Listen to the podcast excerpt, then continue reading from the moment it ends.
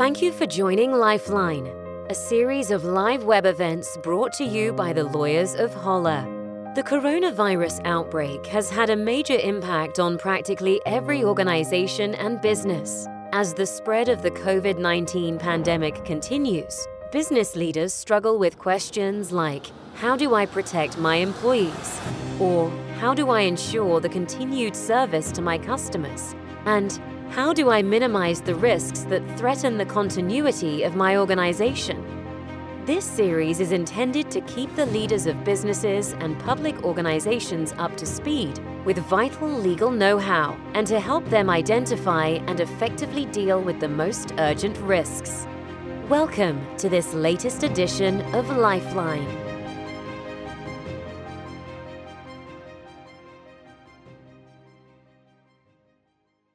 Goedemiddag uh, deelnemers aan het uh, seminar aanbesteden en uh, corona. Fijn dat u allemaal aanwezig bent. Wij hebben een mooi programma voor u samengesteld. Ik wil nog even wijzen op de eerdere seminars die al hebben plaatsgevonden in het kader van de Lifeline. En dan noem ik een aantal interessante seminars die u nog terug kunt kijken. En dat is corona en huur, corona en privacy, corona en fiscus en corona en personeel. U hebt uh, veel vragen ingediend, daar zijn wij ook heel blij mee. U kunt zien dat, uh, dat het leeft, zowel bij uh, aanbestedende diensten als ook bij de inschrijvende partijen. en we hebben dus de vragen gerubriceerd. We beginnen eerst met termijnen, dat is echt wel een, een springend punt, hebben wij gezien. vervolgens de wezenlijke wijziging, zowel de procedure als ook de lopende contracten. Intrekken, heraanbesteding is een belangrijk item. Hoe gaan we nu om met procedures uh, bij de rechtbank, hè, de kortgedingprocedures? Er is een vraag over uitsluitingsgronden. Hoe gaan we daar nu mee om als we toch een opdracht hoe dan ook willen, willen gunnen? Spoedprocedures uh, komen we op. Daar komen we heel specifiek op. En vervolgens uh, sluiten we af.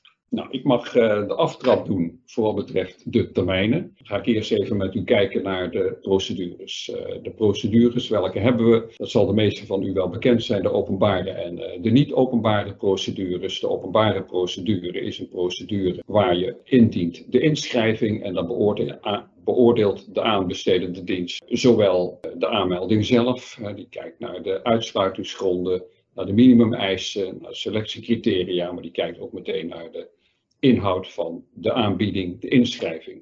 En vervolgens heb je de niet-openbare procedure. En dat betekent dat je eerst wordt uh, getoetst, de inschrijver, aan de uitsluitingsgronden en aan de minimumeisen. De selectiecriteria. Voldoe je daaraan, dan mag je een inschrijving indienen. En dat heeft wel effect voor de termijnen die worden gehanteerd. We kennen bij die twee procedures, en dan heb ik het over de bovendrempelige procedures, de Europese procedures. Ik kom dadelijk nog even terug op de onderdrempelige, want die zijn er eh, ook heel veel. En die zijn ook in deze tijd uh, buitengewoon actueel, omdat je daar wat meer uh, ruimte hebt. Maar dat heb je ook wel als je kijkt naar de openbare en de niet-openbare procedures. Daar gelden de minimumtermijnen. En die minimumtermijnen die zijn eigenlijk best wel lang. Maar het is natuurlijk wel zo dat we in een hele bijzondere situatie verkeren. Dat als je kijkt naar een reguliere aanbestedingsprocedure, dan heb ik niet een, een spoedprocedure, zoals bijvoorbeeld medische apparatuur of de corona-app, daar gaat mijn eh, collega straks nog even op in. Eh, daar gelden wat andere regels voor, maar als je kijkt naar de reguliere procedure, want ja, het inkopen gaat gewoon, gewoon door, dan kan het zijn dat die minimumtermijnen toch nog eigenlijk te kort zijn. En de aanbestedende dienst is dat altijd verplicht om voorafgaand aan de aanbesteding te kijken wat is het voorwerp van de opdracht en welke termijnen koppelen we eraan. En dat kan dus zijn een langere termijn dan de indieningstermijn. Het kan zijn dat uh, de aanbestedende dienst uh, zegt ik ga uit van de minimumtermijn en dat betekent dat, ja, dat wordt zo ook aangekondigd. En dan zijn er inschrijvers die mogen voordat er wordt ingeschreven, voordat er wordt aangemeld, gaat de inschrijver uh, bekijken, kan ik eigenlijk wel binnen die termijn een, fatsoenlijke inschrijving uh, indienen. Als dat niet het geval is, dan kan de inschrijver bijvoorbeeld bij de vragenronde aangeven dat de termijn, de minimumtermijn ga ik maar even vanuit, dat die te kort is. En dat kan ertoe leiden dat de aanbestedende dienst uh, die termijnen rectificeert en de termijnen verlengt. En dat moet dan worden aangekondigd, zodat alle potentiële inschrijvers op de hoogte zijn van de gewijzigde termijnen. De termijnen kunnen überhaupt ook worden verlengd. En daarom is het wel aardig, uh, zeg maar, de situatie waarin we verkeren, dat je ook bewust bent dat wanneer er bijvoorbeeld een schouw in zit of anderszins, dat dat leidt tot verlenging van de termijnen. Maar dat ging ervan uit van de situatie dat je gewoon een bouwplaats op kunt en dat je dus gewoon ja, fysiek aanwezig kunt zijn. Dat is nu wat lastiger. Er zullen nu ook innovatieve methodes worden gehanteerd, bijvoorbeeld met drones of uh, met filmbeelden. En dat betekent dat je toch als aanbestedende dienst veel meer dan voorheen bewust moet zijn van zijn dit nou wel redelijke termijnen en zijn die termijnen die de wet ook al kent om het op te schuiven, zijn die eigenlijk wel voldoende. Dus dat is een, eh, een belangrijk aspect om uh, goed te kijken naar, uh, naar die termijnen. Dan ga ik met u naar de onderdrempelige opdrachten. De onderdrempelige opdrachten, daar is deel 2 van de aanbestedingswet niet op van toepassing. Maar we kennen de GIS-proportionaliteit, die is via deel 1 van toepassing van de aanbestedingswet. En dat betekent dat je eigenlijk min of meer een regeling hebt waar je van kunt afwijken. En de hoofdregel is uh, explain or comply. Het kan zijn dat de aanbestedende dienst zegt van ja, ik vind toch dat de termijnen zoals die eigenlijk uh, regulier gelden in, uh, boven, bij bovendrempelige opdrachten, dat dat niet past. Ik wil een, een, een, kortere of een langere termijn. Nou, dat geldt eigenlijk wat ik eerder zei, maar bij kortere termijnen, dat zal vaak het geval zijn, heb je wat meer ruimte om wat, wat, wat andere beslissingen te nemen als aanbestedende dienst. Maar voorop staat dat het altijd proportioneel moet zijn. Dus je zult altijd moeten afwegen, is de termijn die ik nu voorstel, is dat nu een, uh, een oplossing? Tot zover uh, de termijn, omdat we straks komen op de spoedprocedures nog, uh, nog terug. Want er zijn heel veel mogelijkheden om termijnen te verlengen. Ik noem er even één buiten de spoedprocedure om. Dat zijn de urgente situaties. En dat betekent dat je in urgente situaties kun je de termijnen behoorlijk bekorten. In de rechtssnoeren nu en in de mededeling van de Europese Commissie uh, is ook al uitgemaakt, hoewel de Commissie geen rechter is, maar je mag daarop afgaan, zeker in deze periode, dat de coronacrisis een aanleiding is om dit als een urgente situatie te beschouwen. Dat betekent dat je tot kortere termijnen komt. Bijvoorbeeld voor de openbare aanbesteding ga je naar 15 dagen. En voor de niet-openbare heb je dan weer die twee-trapsraket 15 dagen. Aanmelden 10 dagen. Ik uh, ga naar mijn collega Jacques van Beers en die gaat het hebben over de wezenlijke wijziging. Ja, dank uh, Jan voor het woord. Er zijn ook heel veel uh, vragen over gesteld over het leerstuk van de wezenlijke wijziging.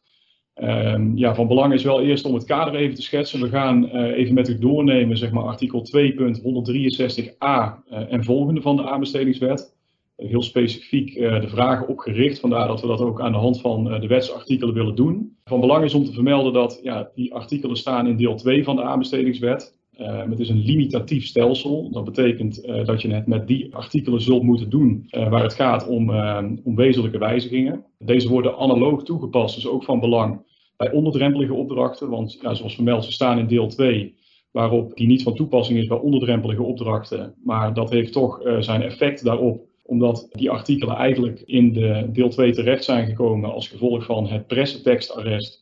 En dat pressetekstarrest en het leerstuk van de wezenlijke wijziging en de artikelen die daarop zien, die vloeien eigenlijk ook voort uit eh, de beginselen van gelijkheid en transparantie. Twee eh, ja, dragende beginselen van het aanbestedingsrecht. Dus die artikelen willen we even met u doorlopen.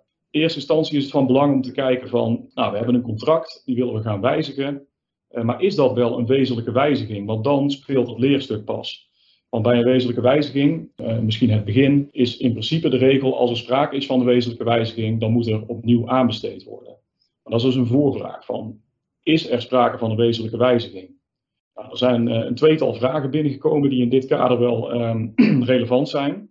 En dat is, um, ja, er wordt gevraagd, nou ja, we gaan er allemaal vanuit dat als gevolg van die coronacrisis dat um, opdracht nemers, dus de inschrijvers op een aanbestedingsprocedure, daardoor benadeeld kunnen worden. Maar het kan ook best zijn dat een aanbestedende dienst nu met een contract zit en zegt, ja, we hebben daar wel, weliswaar wat in afgesproken, maar we willen eigenlijk minder gaan afnemen dan is voorzien in het contract en daarin is geregeld. Nou, een tweede uh, vraag uh, die is gesteld is, nou, we hebben een aanbestedingsprocedure gewonnen, uh, maar nu blijkt dat onze producten niet voldoen. En de aanbestedende dienst koopt vervolgens producten in bij een concurrent van ons. Ja, wat, wat, wat moeten we nu doen? En um, nou, dat zijn dus twee aspecten die wij niet zien in het kader van de wezenlijke wijziging. Want de wezenlijke wijziging, dat is ook neergelegd eigenlijk ehm, in artikel 2.163g van de aanbestedingswet. Die beschrijft eigenlijk wat in het pressentekstarrest ook is uitgemaakt. Het gaat daarbij om ehm, nou, een aantal wijzigingen kunnen wezenlijke wijzigingen zijn. En dan gaat het met name om wijzigingen van een overeenkomst. Ehm, dat wanneer die zouden zijn ingecorporeerd in de aanbestedingsstukken, zou dat hebben geleid tot een grotere kring van gegadigden? Of zou dat wellicht hebben geleid tot gunning aan een andere ondernemer? Of er kan sprake zijn van een situatie waarin door de wijziging, dat wordt dan zo mooi genoemd, het economisch evenwicht wijzigt ten voordele van de betreffende ondernemer die de opdracht gegund heeft gekregen. Kort samengevat, het gaat eigenlijk om uit van de situatie dat er sprake is van een voordeel voor opdrachtnemer. In dit geval, uh, deze twee vragen, uh, die zien eigenlijk meer op, nou, we willen als aanbestedende dienst minder doen. Of ja, er wordt uh, niet nagekomen, want we hebben een overeenkomst en men gaat vrolijk naar een concurrent. Ik val het maar even samen. Ja, dat zijn eerder vraagstukken die passen in het leerstuk van ja, wanprestatie. Er is een overeenkomst, er wordt niet gedaan wat daarin is afgesproken. En ja, dan is dat meer de route. Dus dat zien wij niet zozeer in het kader van de wezenlijke wijziging. En vandaar dat we die vragen ook in dit kader even willen parkeren. Uiteraard zijn er dan uh, wat andere mogelijkheden, want ook als je in een contractuele situatie zit dan, en er is sprake van wanprestatie in uw ogen of u wil wat minder doen, dan zijn er uiteraard mogelijkheden om met elkaar in overleg te gaan. Dat is meer echt een, een, een, een burgerlijk wetboek kwestie, om het zo maar even te noemen. Vermeldenswaardig is dat er uh, aanstaande dinsdag uh, zal er een, een, webinar worden gegeven wat helemaal in het teken staat van contracten. En daar zal onder andere ook worden ingegaan op um, ja, de mogelijkheden uh, voor wat betreft onvoorziene omstandigheden uit het burgerlijk wetboek, overmacht, etc. Dus vooral even de tip ook om dat webinar zeker te volgen. Nou, dan gaan we vervolgens naar ja, zo'n wezenlijke wijziging. Uh, als daar dus wel sprake van is. We gaan even uit van, uh, we pakken even een voorbeeld. U wil uh, de leveringstermijn gaan verlengen. U heeft afgesproken dat het per 1 december dit jaar geleverd zal worden. En als dat niet gebeurt, dan verbeurt de winnende inschrijver een boete van bedrag X per maand. We gaan er even vanuit dat dat een wezenlijke wijziging oplevert. Want dat is een, zou je kunnen kwalificeren als een voordeel voor die, voor die ondernemer. Die kan dat allemaal wat later doen. Nou, dan zijn er mogelijkheden in de aanbestedingswet, wanneer er sprake is van een wezenlijke wijziging, om dat uh, te doen zonder dat uh, dat aanbesteed hoeft te worden. Nou, dan gaan we eerst even kijken, dat is denk ik wel heel erg van belang, naar, want er zijn heel veel vragen gesteld over uh, de onvoorzienbare omstandigheden. Daar zit een artikel voor um, in de aanbestedingswet. Ook de herzieningsclausules komen we zo meteen op, maar er is nog een ander artikel en dat is eigenlijk de de minimis bepaling. En die is toch wel van belang, want dat uh, artikel, ja, dat zegt eigenlijk, dat is artikel 2.163b, dat wanneer de overeenkomst wordt gewijzigd en dat een prijswijziging met zich brengt, dat wanneer die prijswijziging maximaal 10% is van de waarde van uh, de oorspronkelijke opdracht, dan hoeft die niet aanbesteed te worden. Dat wordt als een kleine wijziging gezien en vandaar is dat zonder meer toegestaan. Nou, die 10% die geldt um, is wel vermeldenswaardig voor leveringen en diensten. Voor werken geldt een, uh, een, een, criterium van 15%. Dus daar kan dat zelfs wat meer zijn. Even vertalend. Stel u heeft een, uh, een, een, opdracht met een waarde van 3 ton. Dan zou dat betekenen dat uh, voor leveringen en diensten um, mag er um, een wijziging plaatsvinden waarbij er een, meerwaarde komt voor de ondernemer van uh, maximaal 30.000 euro. Dus dat is eigenlijk de de minimis bepaling. Zeker belangrijk, want ja, niet alle contracten zijn natuurlijk uh, van, uh, van dusdanige omvang dat we direct moeten doorgrijpen naar andere artikelen. Dus dit artikel is zeker van belang om er even op na te staan. Maar vervolgens dan uh, zijn er heel veel vragen gesteld, en um, ook terecht, en die zien eigenlijk op de herzieningsclausule. En die herzieningsclausule, ja, die is met name interessant voor de nu lopende aanbesteding. En daar zien we ook bijna alle vragen um, op gericht zijn. Ik noem er even een aantal. Nou, er is een vraag gesteld van, nou, we hebben een, een, een kostprijs, en die kostprijs die wordt vele malen hoger door de coronacrisis. En hoe kunnen we daar flexibiliteit in inbouwen? Dat we later niet te horen krijgen van de aanbestedingsdienst, ja, we hebben deze prijs afgesproken, dus daar moeten we het maar voor doen. Nou, vervolgens is er een vraag gesteld, nou, hoe kunnen we überhaupt die risico's uh, als gevolg van de coronacrisis kunnen we afdekken in aanbestedingen? Aanbestedende diensten stellen ook die vragen. Die zeggen, nou, in hoeverre moeten wij nu rekening houden en anticiperen bij het opstellen van de aanbestedingsdocumenten op de coronacrisis. Moeten wij clausules gaan stellen? Maar welke uh, handvatten geeft u eigenlijk mee uh, voor de werkpraktijk van, uh, van aanbestedende diensten? Nou, dat is zeker van belang, want ja, op dit moment uh, is het is natuurlijk niet duidelijk hoe het allemaal gaat lopen. Dat kan niemand voorspellen, maar wat, wat je volgens mij wel kunt zeggen is dat het onduidelijk is hoe lang het nog gaat lopen. Nou, dat kan ook al een gegeven zijn. Uh, wat we nu dus heel veel zien, is dat er in lopende aanbestedingsprocedures clausules worden, uh, worden ingebracht. Die moeten overigens ook onderdeel uitmaken van de aanbestedingsstukken. Dus dat is ook echt een tip voor aanbestedende diensten, maar ook voor inschrijvers om ja, dat via bijvoorbeeld de nota van inlichtingen te doen. Uh, dus neem daar hele duidelijke herzieningsclausules in op. Ik kom zo meteen nog even op de eisen die daarvoor gelden. Uh, maar wat dus van belang is, het moet onderdeel uitmaken van uh, de aanbestedingsstukken. Um, en als het echt een enorme wijziging oplevert, ja, dan uh, zou dat uh, betekenen dat u ook een, uh, een rectificatie zult, zult moeten plaatsen. En dan moet u wellicht ook nog de inschrijftermijn gaan verlengen. Voor zo'n herzieningsclausule, dat is artikel 2.163c. En het tweede lid van dat artikel geeft eigenlijk de eisen aan voor zo'n herzieningsclausule. En de bottom line is eigenlijk dat zo'n herzieningsclausule die moet duidelijk, ondubbelzinnig en, en nauwkeurig zijn. En dat betekent dus dat je zo'n aanbestedings, zo'n herzieningsclausule moet toespitsen op onderdelen van het contract. Uh, dus je moet eigenlijk aangeven welke onderdelen van het contract gewijzigd uh, kunnen worden. De voorwaarden waaronder die gewijzigd kunnen worden. Dus dat moet heel concreet zijn.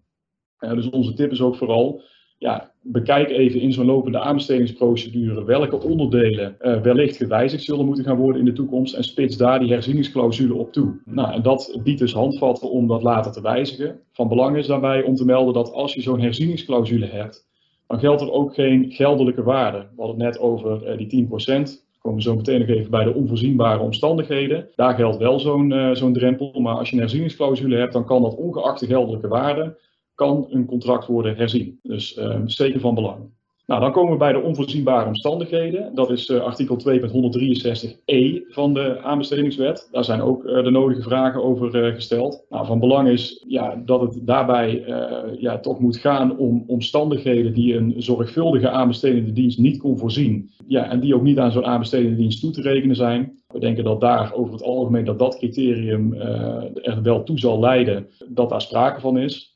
Wij vinden wel dat je een onderscheid moet maken tussen contracten die al gesloten zijn voor, we noemen maar even maart 2020 en daarna.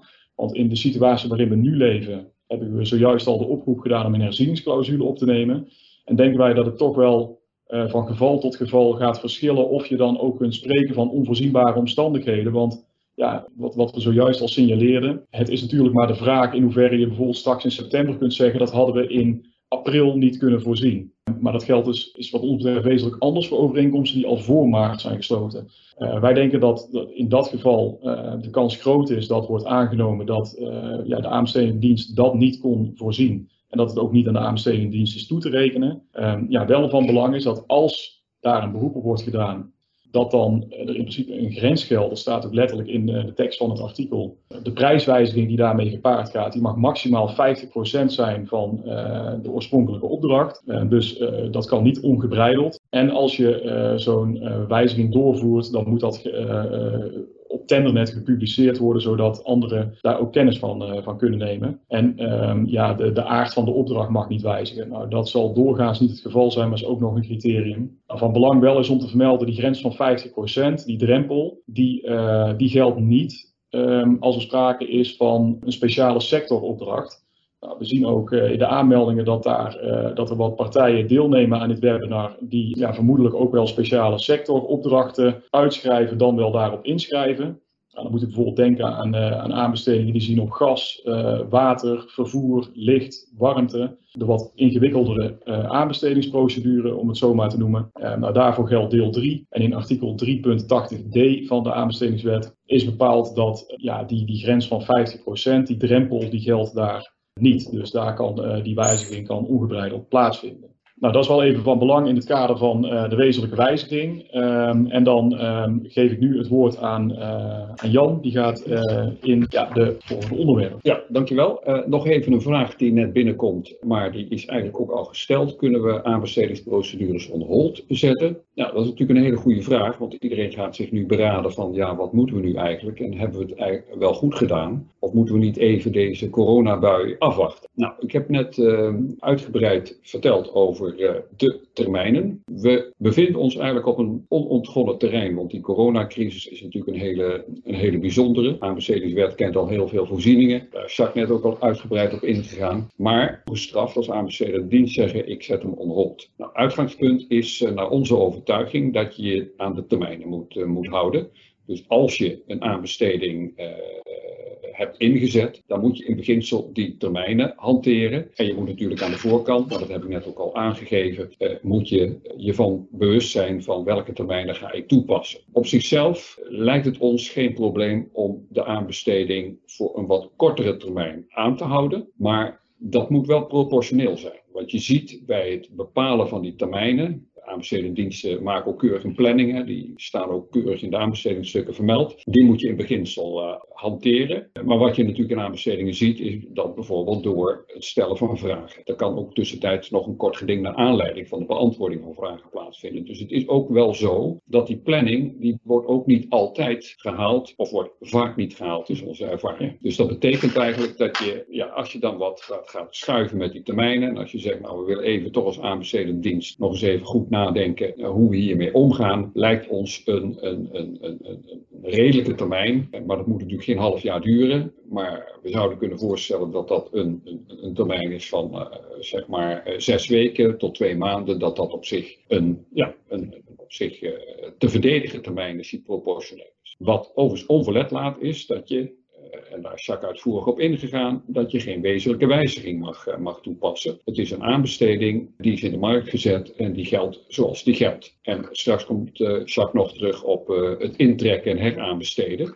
Want als je vindt als aanbestedend dienst dat je om wat voor reden de aanbestedingsprocedure niet voort kunt zetten, dan heb je dus uh, de vraag: kan ik intrekken? Wat zijn de voorwaarden daarvan? En kan ik ook zomaar weer, weer heraanbesteden? Dat is aan strikte regels gebonden en daar gaat Jacques op in. Ik kom nog even bij de procedure bij de rechtbanken, want ja, iedereen is natuurlijk uh, geconfronteerd met het feit dat rechtbanken gesloten zijn. En uh, ja, er zijn spoedeisende belangen gemoeid om snel een beslissing te krijgen, bijvoorbeeld naar aanleiding van een voornemen niet of wel te kunnen. De rechtbanken die hebben eigenlijk een hele heldere procedure uh, zoals dat nu is.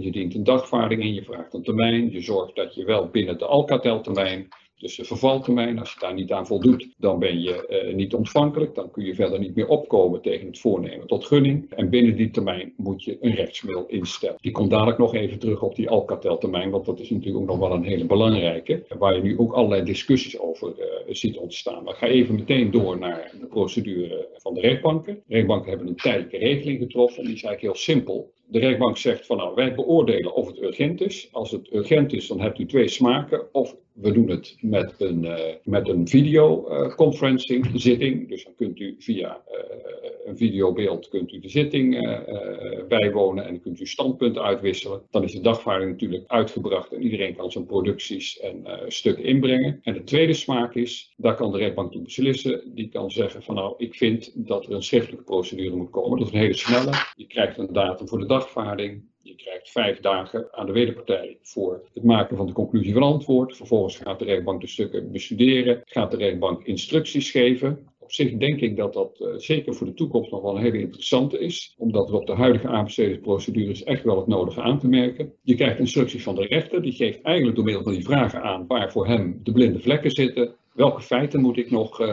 hebben? En vervolgens mogen partijen allebei nog schriftelijk reageren.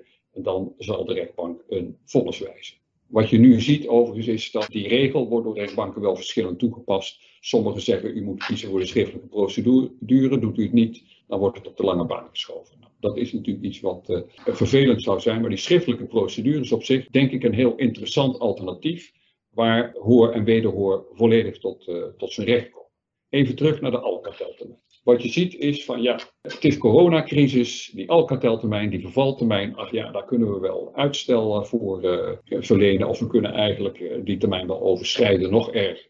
Een hele duidelijke tip voor de praktijk. Alcatel is Alcatel, dus gewoon een vervaltermijn. Binnen die termijn moet u het rechtsmiddel hebben ingesteld. Dat laatste is alleen anders als de aanbestedende dienst uitdrukkelijk toestemming geeft om die termijn te verlengen. En dat moet u ook echt op schrift hebben en dat moet ook gewoon glashelder zijn. Uh, dus wat dat betreft verandert corona, uh, verandert natuurlijk wel heel veel, maar daaraan verandert corona niets. U moet zorgen dat u die valkuil uh, niet inwandelt, want dat zou heel vervelend zijn. Dan kom ik nu op onderwerpen, daar gaat Jacques op in, en er zijn ook heel veel vragen over gesteld. Dat ja. heeft ook intrekken en heraanbesteden. Ja, er zijn inderdaad, ik zie hier, er komen weer vragen over binnen. Dat, zijn, dat leeft toch bij aanbestedingsdiensten van ja, moeten we nu onder alle omstandigheden doorgaan met zo'n aanbestedingsprocedure?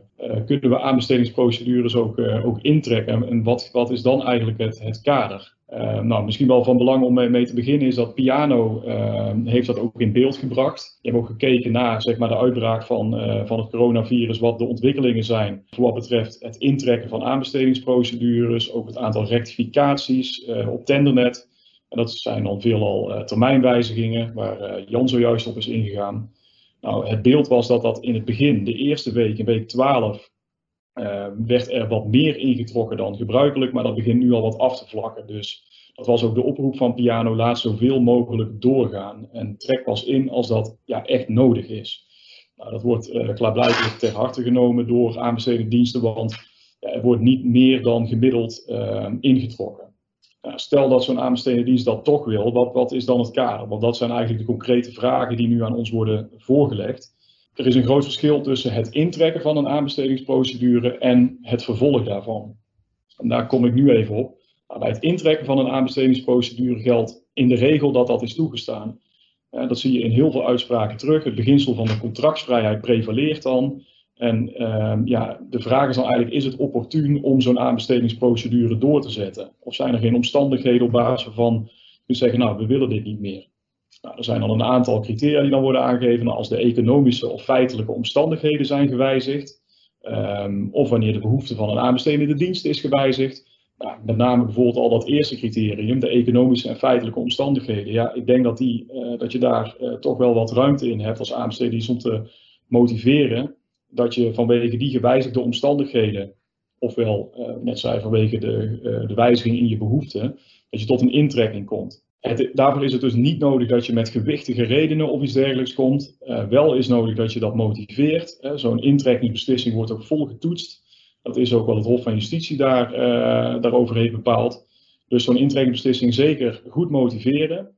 Nou, daar was ook nog wat, uh, wat discussie over. Ja, moet je dat nou meteen goed doen of kun je dat later nog aanvullen? Want ja, bijvoorbeeld bij gunningsbeslissingen is de regel dat je zo'n gunningsbeslissing direct gewoon goed moet motiveren. En dat ja, later aanvullen dat dat toch wel een lastig verhaal wordt. Nou, bij intrekken uh, zag je dat beeld ook wel terugkomen in de jurisprudentie. Maar daar heeft het Hof Den Haag heeft daar in 2019 een, een arrest ingewezen in zo'n zaak. En ja, daar was eigenlijk de conclusie van, nou, het gaat om een intrekkingsbeslissing. Een intrekkingsbeslissing is geen gunningsbeslissing. En dat betekent dat wij rekening gaan houden met argumenten die ten grondslag zijn gelegd aan die intrekking, ook die dateren van na de eerste intrekkingsbeslissing. Dus aanvullen, ja, dat kan.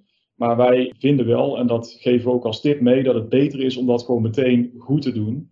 Um, ook omdat je ziet dat rechters daar heel kritisch mee omgaan uh, wanneer zo'n opdracht vervolgens weer in de markt wordt gezet. Um, en daar kom ik eigenlijk nu op, want kijk, intrekken is één, maar 9 van de 10 keer uh, ja, komt zo'n aanbestedende dienst uiteindelijk weer tot een nieuwe aanbesteding. Want ja, het product zal toch geleverd moeten worden, de dienst uh, zal verricht moeten worden. Nou, dus zo'n aanbestedende dienst gaat zo'n opdracht opnieuw in de markt zetten. Nou, dan is het, het uitgangspunt is dan dat zo'n opdracht na zo'n intrekking wezenlijk gewijzigd uh, moet worden. Waarom is dat uitgangspunt? Nou, dat heeft te maken met het gelijkheidsbeginsel um, en het uh, transparantiebeginsel. Men wil willekeur tegengaan. Want wat je anders kan krijgen is dat een aanbestedende dienst denkt, nou, we hebben de inschrijvingen ontvangen. Vervelend, de nummer 1, die komt ons eigenlijk niet zo goed uit. Weet je wat, we trekken die aanbestedingsprocedure in en we schrijven exact dezelfde procedure uit. Nou, dat is wat de Unie-wetgever en de Nederlandse wetgever niet heeft uh, gewild. En daarom is bepaald van intrekken kan, maar dan moet je hem ook wezenlijk wijzigen. En een wezenlijke wijziging is niet uh, het aanpassen van de gunningscriteria, maar dan moet ook echt de opdracht zelf wezenlijk worden gewijzigd. Nou, dat wordt ook kritisch getoetst. Uh, er zijn redelijk wat uitspraken waarin ja, de rechtbank toch gaat kijken van oké, maar wat heeft u dan concreet gewijzigd? Noem maar even als voorbeeld gewoon, er is aanbesteed om 200 beeldschermen in te kopen en dan denkt een aanbestedende dienst, nou we gaan een wezenlijk wijzigen, dan maken we er 230 van. Dan, dat is nou net zo'n voorbeeld waarvan dan een rechter zal zeggen, ja, maar dit is bedoeld om het een wezenlijke wijziging te laten zijn, is een vooropgezet plan. Um, ja, hier steek ik een stokje voor. En dan uh, kan de conclusie zijn, dat zie je in veel uitspraken, dat dan ook het lot is bezegeld van de intrekkingsbeslissing. Dan zegt eigenlijk de kortgedingrechter, nou, dit is een ontoelaatbare eh, heraanbesteding, want dit is geen echte wezenlijke wijziging. Die hangt nauw samen met die intrekkingsbeslissing, dus ook die intrekkingsbeslissing is ontoelaatbaar. Maar wanneer hoef je nou dus niet wezenlijk te wijzigen? Want ik kan me voorstellen, die vraag komt uh, overigens nu ook binnen. Ik zie een vraag uh, binnenkomen waarin uh, wordt, wordt gezegd, ja, maar het kan toch niet zo zijn dat als wij vrij zijn om, om in te trekken vanwege corona, dat we dan later, terwijl we exact dezelfde behoefte hebben, die opdracht dan wezenlijk moeten gaan wijzigen? Nou, ons antwoord is toch, ja, als er al is ingeschreven, want dat is heel belangrijk, in die vorige aanbesteding die u heeft ingetrokken, die huidige die u nog wilt gaan intrekken, als er inmiddels al is ingeschreven, ja, dan zien wij toch een beperkte ruimte om, uh, om, om niet tot wezenlijke wijziging over te gaan. Ja, dat zijn, dat zijn er eigenlijk maar een paar als er geen geschikte inschrijvingen waren bij die vorige. Nou, dat zal niet aan de orde zijn. Er was uh, onvoldoende concurrentie, dat zal ook niet aan de orde zijn. En dan de laatste, er waren ernstige procedurele fouten of, of gebreken kleven aan die vorige aanbestedingsprocedure, waardoor een rechtmatige gunning niet mogelijk was. Dat zijn op dit moment de drie criteria die uit de jurisprudentie voortvloeien. Dus wij denken dat het dan lastig wordt. Maar stel, u zit nog in een fase waarin er nog niet is ingeschreven. Ja, wij menen dan dat er geen wezenlijke wijziging hoeft plaats te vinden na een intrekking. Um, dat volgt ook uit een aantal uitspraken. Dus dat, daar, daar is al eerder over geoordeeld. Want de redenering daarachter is, zoals u zojuist al hebt toegelicht, voorkomen moet worden dat er uh, favoritisme en willekeur gaat optreden door een winnende inschrijver buitenspel te zetten en exact dezelfde opdracht in de markt te zetten. Nou, als u nog geen kennis hebt genomen van die inschrijvingen, dan ja, speelt dat risico niet. En dan uh, valt ook niet in te zien waarom dan een nieuwe opdracht wezenlijk gewijzigd zou moeten worden. Dat is ook bevestigd, nogmaals, in jurisprudentie. Zowel voor wat betreft openbare procedures of andere soorten, maar ook niet openbare. Daar wordt bijvoorbeeld ook uh, uh, overwogen. Als je bijvoorbeeld in de selectiefase in een niet-openbare procedure de procedure intrekt, dan heeft u nog geen kennis genomen van de inschrijvingen en dus kunt u dezelfde opdracht later opnieuw in de markt zetten. Nou, dat is eigenlijk zeg maar, het kader voor wat betreft uh, intrekken en heraanbesteden. En dan uh, is er ook nog een vraag gesteld van ja, maar kunnen we bijvoorbeeld onze inschrijving als inschrijver intrekken? Is ook een hele interessante vraag. Heel vaak staat er in aanbestedingsstukken een gestanddoeningstermijn. En dat betekent dat uw aanbod, want dat is een inschrijving, want een aanbesteding is eigenlijk de uitnodiging tot het doen van een aanbod. En uh, dat komt later door aanvaarding, komt er een overeenkomst tot stand. Maar uw inschrijving is dus een aanbod. En als er een gestanddoeningstermijn in de aanbestedingsstukken staat, dan is dat zelfs een onherroepelijk aanbod voor de duur van die periode waarin die gestanddoening uh, geldt. Dus in die periode kunt u uw inschrijving niet intrekken en zult u dus in principe als later gegund wordt moeten leveren wat u hebt aangeboden. Ja, als die gestanddoeningstermijn er niet in staat, ja, dan gaat deze gedachtegang en dit verhaal niet op. En dan uh, is er wel ruimte om, uh, om tot intrekking over te gaan. Ja, dat is eigenlijk uh, het kader voor wat betreft intrekken, heraanbesteden en intrekken ook van inschrijvingen. En Jan die zal nu even ingaan, want er is ook inderdaad, zoals Jan al heeft toegelicht, een vraag over gesteld over 2.88 van de aanbestedingswet. Die, die ziet op uitsluitingsgronden. En ehm, ja, daar is ook al het nodige over gezegd en geschreven. En daar zal Jan u nu over gaan bijpraten. Ja, uitsluitingsgronden. Uh, ook in deze periode, uh, de coronaperiode, is dat uh, toch wel een, een, belangrijk punt. Omdat aanbesteden diensten hebben natuurlijk er wel behoefte aan dat ze de opdracht in concurrentie wegzetten. Maar dat ze dus ook kunnen gunnen aan een partij die heeft ingeschreven. En je ziet ook uit de vragen, zoals Jacques net ook al opmerkt, dat, ja, dat dat wel een springend punt is. Want als we naar de huidige situatie gaan, coronasituatie, maar de situatie daaraan voorafgaande was eigenlijk het leven vrij simpel. Wat had je? Je had uh, facultatieve uitsluitingsgronden en je had uh, dwingende uitsluitingsgronden. Nou, die dwingende moet je altijd toepassen. Dat zijn onherroepelijke veroordelingen in strafrechtelijke procedures. Dat zijn allerlei zaken die te maken hebben met misdrijven enzovoort. En vervolgens heb je de facultatieve uitsluitingsgronden. En die facultatieve uitsluitingsgronden, dan kan de aanbestedende dienst uitsluiten. Nu is het zo dat um, de wetgever heeft eigenlijk ook wel een beetje rekening gehouden met een, uh, met een pandemie zoals die uh, nu uh,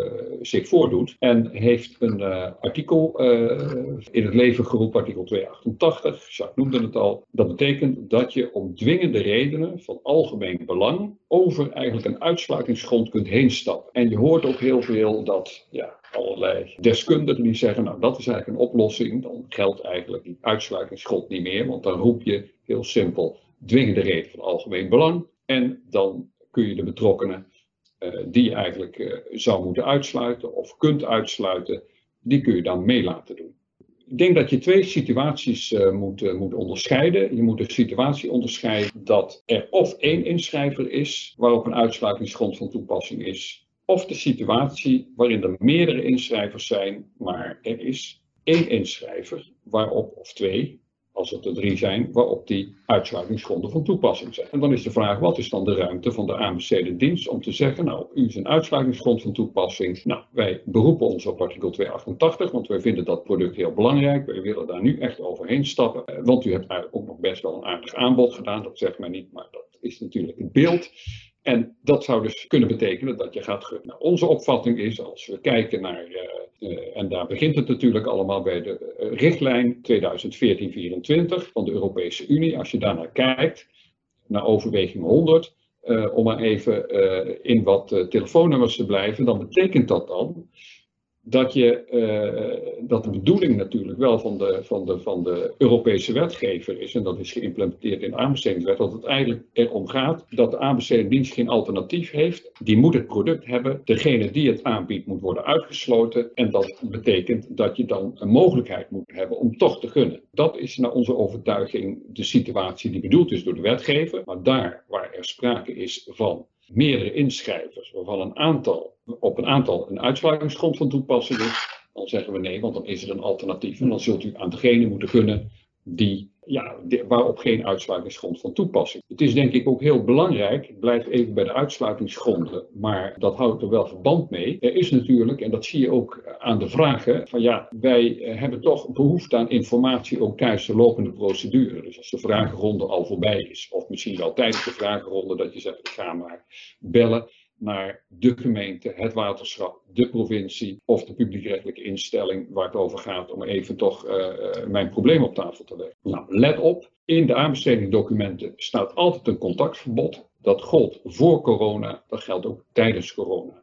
Dus als u vragen hebt of als u contact wil, doet u dat altijd via zeg maar, de functionarissen die zijn vermeld in het aanbestedingsdocument. Dat is een hele belangrijke tip die u ter harte moet nemen. Want als je naar de jurisprudentie uh, kijkt, en wij denken dat dat niet anders zal zijn in deze coronaperiode, dan zijn rechters uh, er snel klaar mee. Die sluiten dan gewoon uit en zeggen: u had, moeten, uh, u had moeten uitsluiten. Contactverbod is van toepassing, dus de aanbestedende dienst heeft u terecht uit, uh, uitgesloten. Een tweede punt, en we kunnen ons voorstellen dat daar nu juist telefoontjes over zouden kunnen gaan, dat de ondernemers zeggen, ja wij verkeren wel in zwaar weer, we hebben nu ingeschreven, maar wij weten niet of wij aan de arbeidsvoorwaarden kunnen voldoen. Wij kunnen op dit moment de belasting niet betalen. Wij denken dat we dat binnenkort wel kunnen, maar op dit moment kunnen we dat niet. De mogelijkheid bestaat om aan self-cleaning, ik zal dadelijk uitleggen wat het is. Wat ik noem is dat in de uh, uitsluitingsgronden staat vaak vermeld dat je moet aangeven in het uh, UEA, het aanbestedingsdocument, wat bij de stukken zitten. Daar moet je al die vragen aanvinken. Er staan ook de uitsluitingsgronden bij. En dan geef je daar aan of je wel of niet voldoet. Dan kom je bij een vraag: leeft u alle arbeidsvoorwaarden na? Voldoet u aan de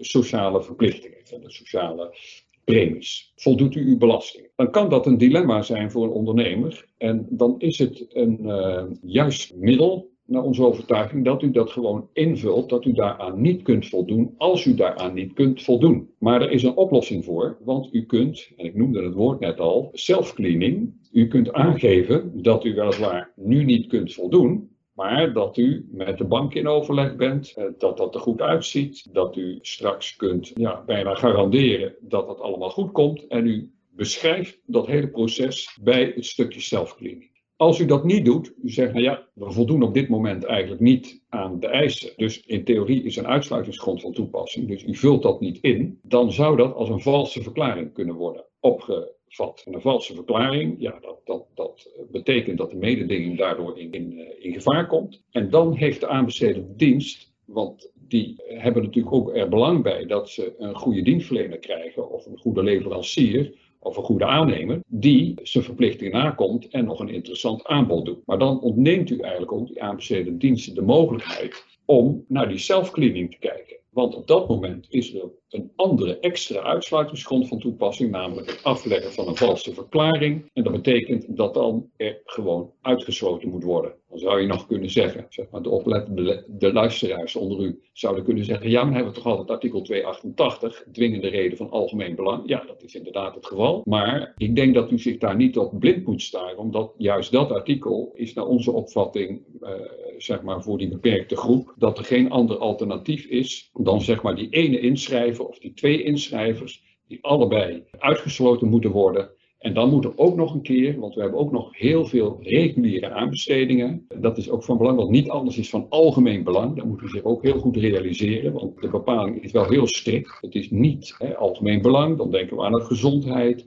dan denken we aan de openbare orde en veiligheid, uh, noemt u maar op. Dus dat is een heel beperkt kaart. Vandaar dat de praktische tip is, uh, u kunt de problemen die u hebt het best gewoon op tafel leggen, maar dan met een alternatief erbij, zodat u de aanbestedende dienst, en voor de aanbestedende dienst is het ook van belang, dat die ruimte hebben om die afweging. Dus dat, uh, ter zake van de uitsluitingsgronden, dat is nu een wat, wat ja, gecompliceerde proces, om het maar even zo te zeggen. Maar ook een proces wat u meer strategisch ook moet inzetten om tot een, uh, een goede oplossing te komen. Zowel in het belang van de AMC diensten als in het belang van de inschrijver. Dan gaan we nu naar de spoedprocedures. Daar zit u denk ik ook allemaal op te wachten, want dat is iets wat uh, zeg maar de gemoederen beheerst. Er zijn ook heel veel vragen over binnengekomen. En uh, Jacques zal u door dat labyrint leiden. Misschien toch wel even, over die uitsluitingsgrond komt hier nog een vraag binnen, maar volgens mij is die net ook al beantwoord. Uh, dat, die vraag die ziet op, ja, zijn er dan eigenlijk echt specifiek corona-gerelateerde uitsluitingsgronden? Ja, wat, wat uh, tenminste als ik het uh, goed samenvat, Jan, dan is eigenlijk het verhaal, um, ja, nou, corona-gerelateerde, je hebt dan de, de, arbeidsrechtelijke verplichtingen, daar moet u aan voldoen. Stel dat u bijvoorbeeld uw loon niet meer kunt betalen, um, u schendt allerlei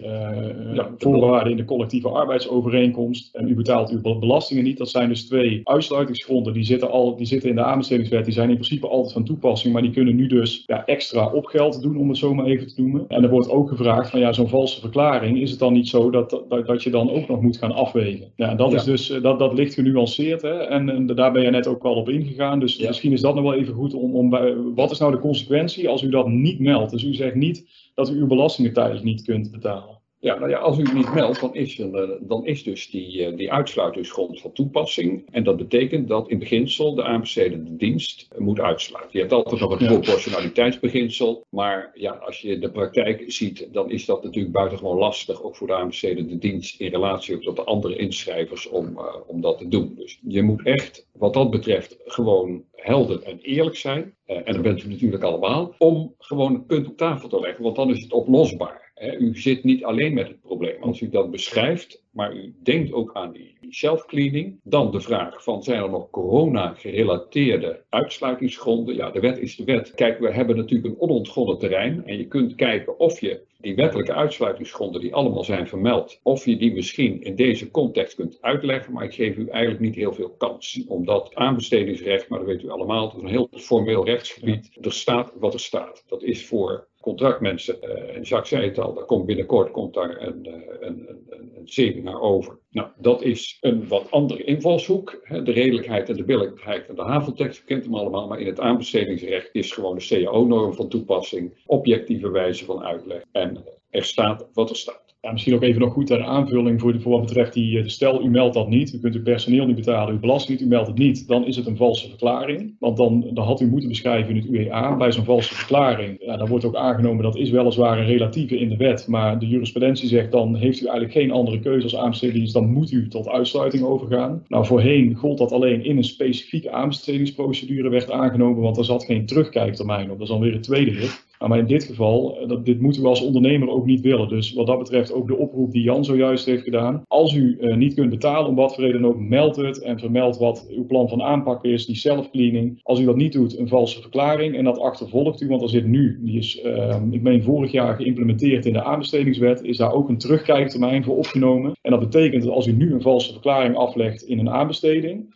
dat u de komende drie jaar zult u in aanbestedingsprocedures ook weer moeten melden dat u in een eerdere aanbestedingsprocedure een valse verklaring heeft afgelegd. En dan moet u dan ook weer zelfcleaningsmaatregelen uh, voor gaan noemen. Van nou, dat zullen we niet meer doen. Uh, we sturen uh, mensen op cursus om, om eerlijk te zijn, et cetera. Nou, dat levert nogal wat problemen op. Dus ehm, ja, dat, dat bevestigt eigenlijk ook de oproep om ehm, dat UEA heel serieus te nemen en alles correct en netjes in te vullen. Maar ook voor aanbestedende diensten om dat eigenlijk gewoon onverkort toe te passen. Um, ja, ja, misschien nog even als aanvulling, dus je terugkijktermijn, terecht dat Jacques daar uh, op wijst, dat geldt ook voor een aantal andere uitsluitingsgronden. Dus het is van belang dat, vandaar dat uh, wij dat ook beide heel nadrukkelijk uh, bepleiten. Let op en neem die uitsluitingsgrond in acht, vul het UEA correct in, want op de uitsluitingsgrond, op een aantal daarvan is die terugkijktermijn en dat blijft u achtervolgen. En als u nu simpel voldoet aan die selfcleaning, nou, dan uh, hebt u maximale kans uh, dat uw aanbieding ook beoordeeld wordt.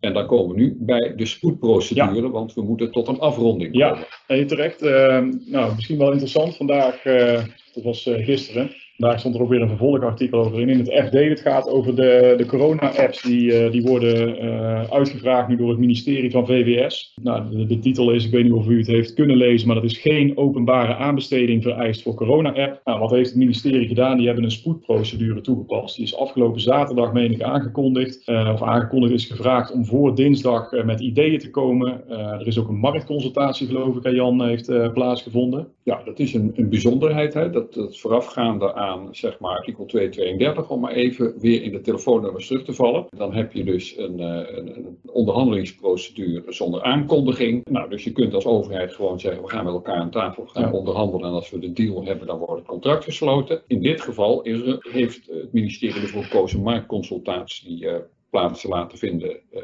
zo'n beetje op de paasdagen.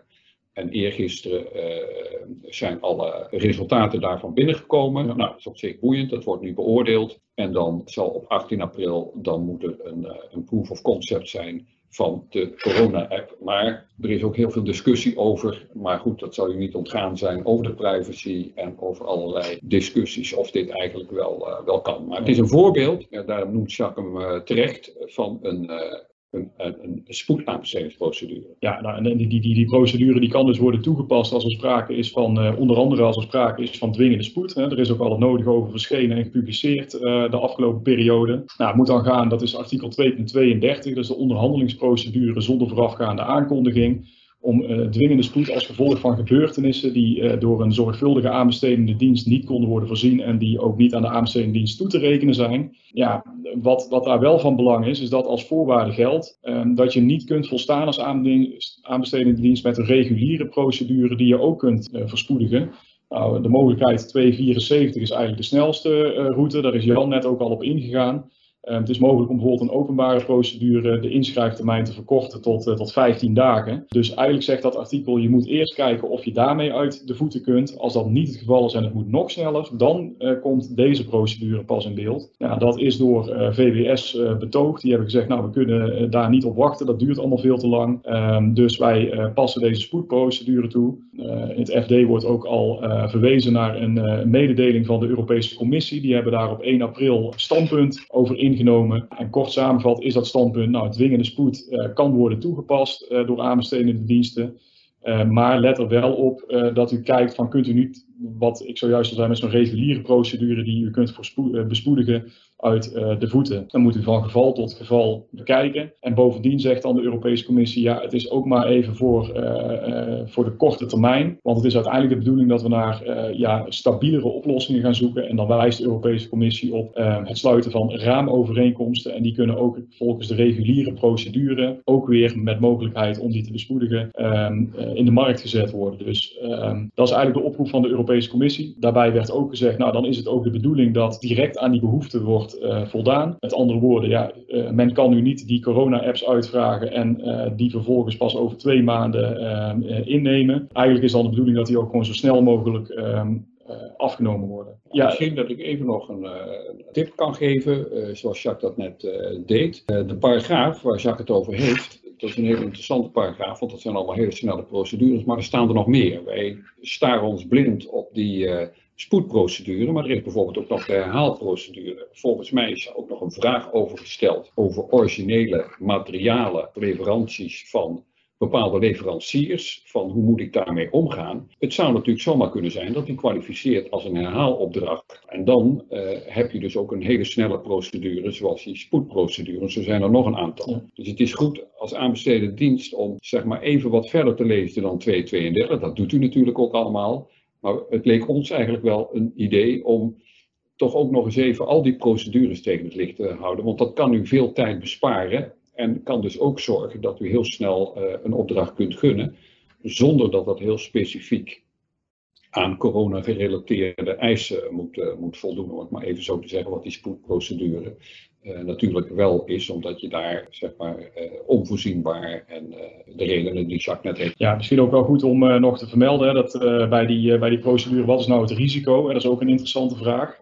ja, er wordt al door, door alle kaarten ook over die apps bijvoorbeeld uh, geschreven, nou ja, dat gaat allemaal veel te vlug. De vraag wordt ook gesteld of die procedure wel, uh, wel, wel aangewezen is. Nou, wat er kan gebeuren en wat ook het risico voor een AMC in is dat een gesloten overeenkomst ver, bloot ligt eigenlijk aan vernietiging. Er zit een artikel in de aanbestedingswet 4.15 lid 1 onder A. Dat bepaalt dat als een overeenkomst tot stand is gekomen terwijl die eigenlijk aangekondigd had moeten worden in het publicatieblad van de Europese Unie. En dat zou dan in dit geval eigenlijk het geval zijn, want deze is niet aangekondigd uh, zoals dat had gemoeten. Nou, dan um, kan die overeenkomst vernietigd worden. Een tip voor um, inschrijvers hier, of, of, concurrenten om het zo maar te noemen. Ja, dat moet u wel snel doen, zo'n vordering, want uh, daar geldt een termijn voor van, van zes maanden in de regel om zo'n vernietigingsvordering in te stellen. Ja, en die kan zelfs verkocht worden tot 30 dagen als uh, de aanbestedende dienst de gunning van zo'n opdracht heeft gepubliceerd. Dus um, daar is uh, behoorlijk wat haast bij geboden. Nou, de rechter kan afzien van zo'n vernietiging. Dat staat in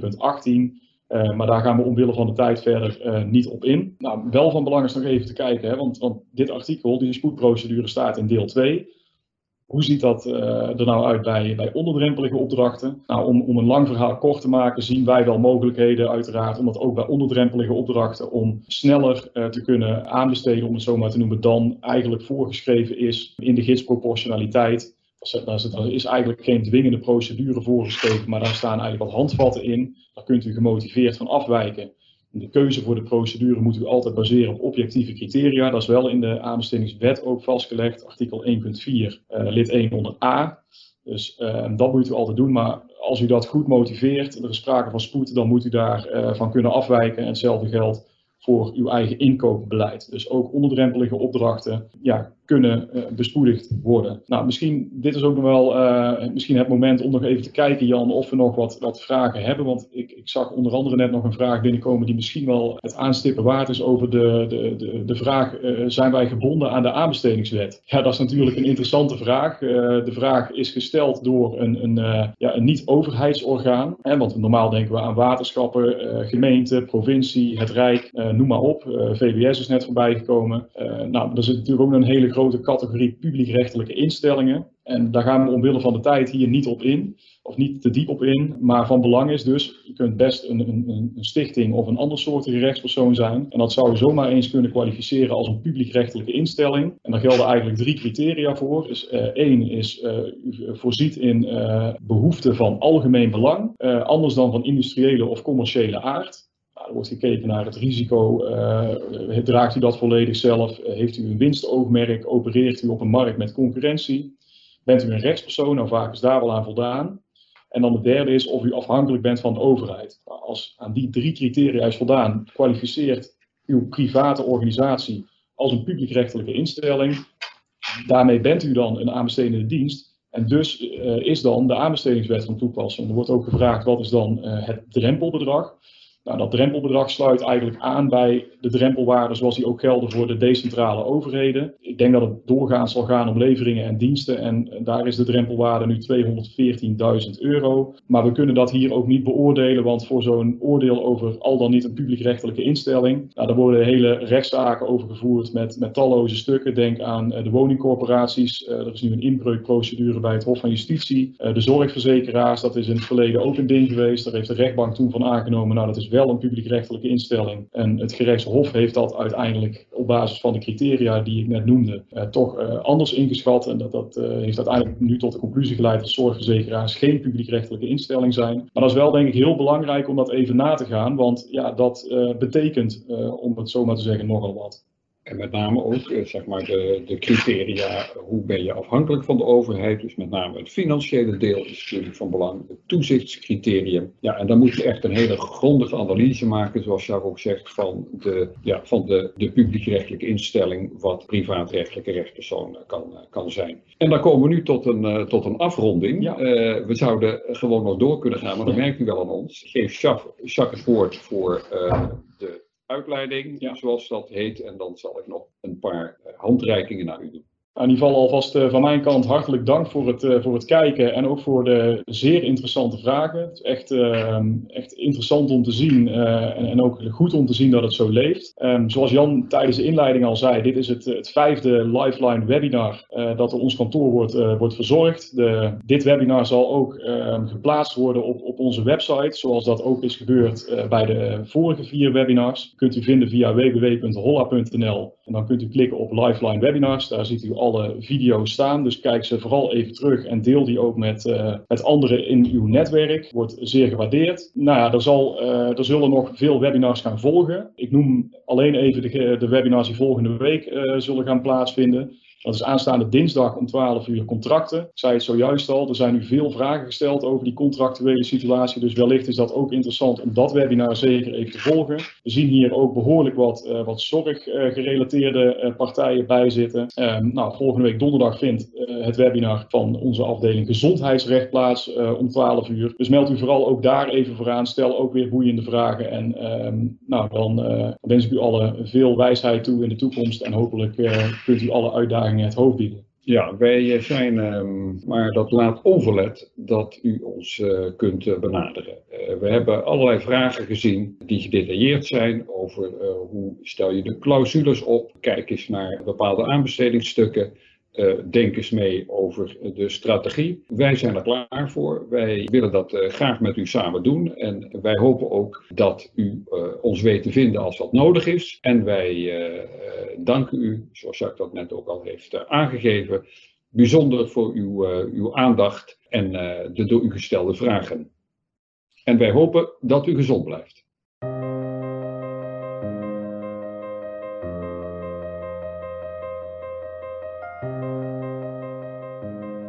Thank you for listening to Lifeline, a series of web events brought to you by the lawyers of Holler. This web event will be made available both as a webcast and podcast, which you can download on our website at www.holler.nl, on LinkedIn, and on YouTube. You can keep track of key issues and developments by signing up to the latest updates on our website, www.holler.nl. Thank you for joining, and please stay tuned for the next episode of Lifeline.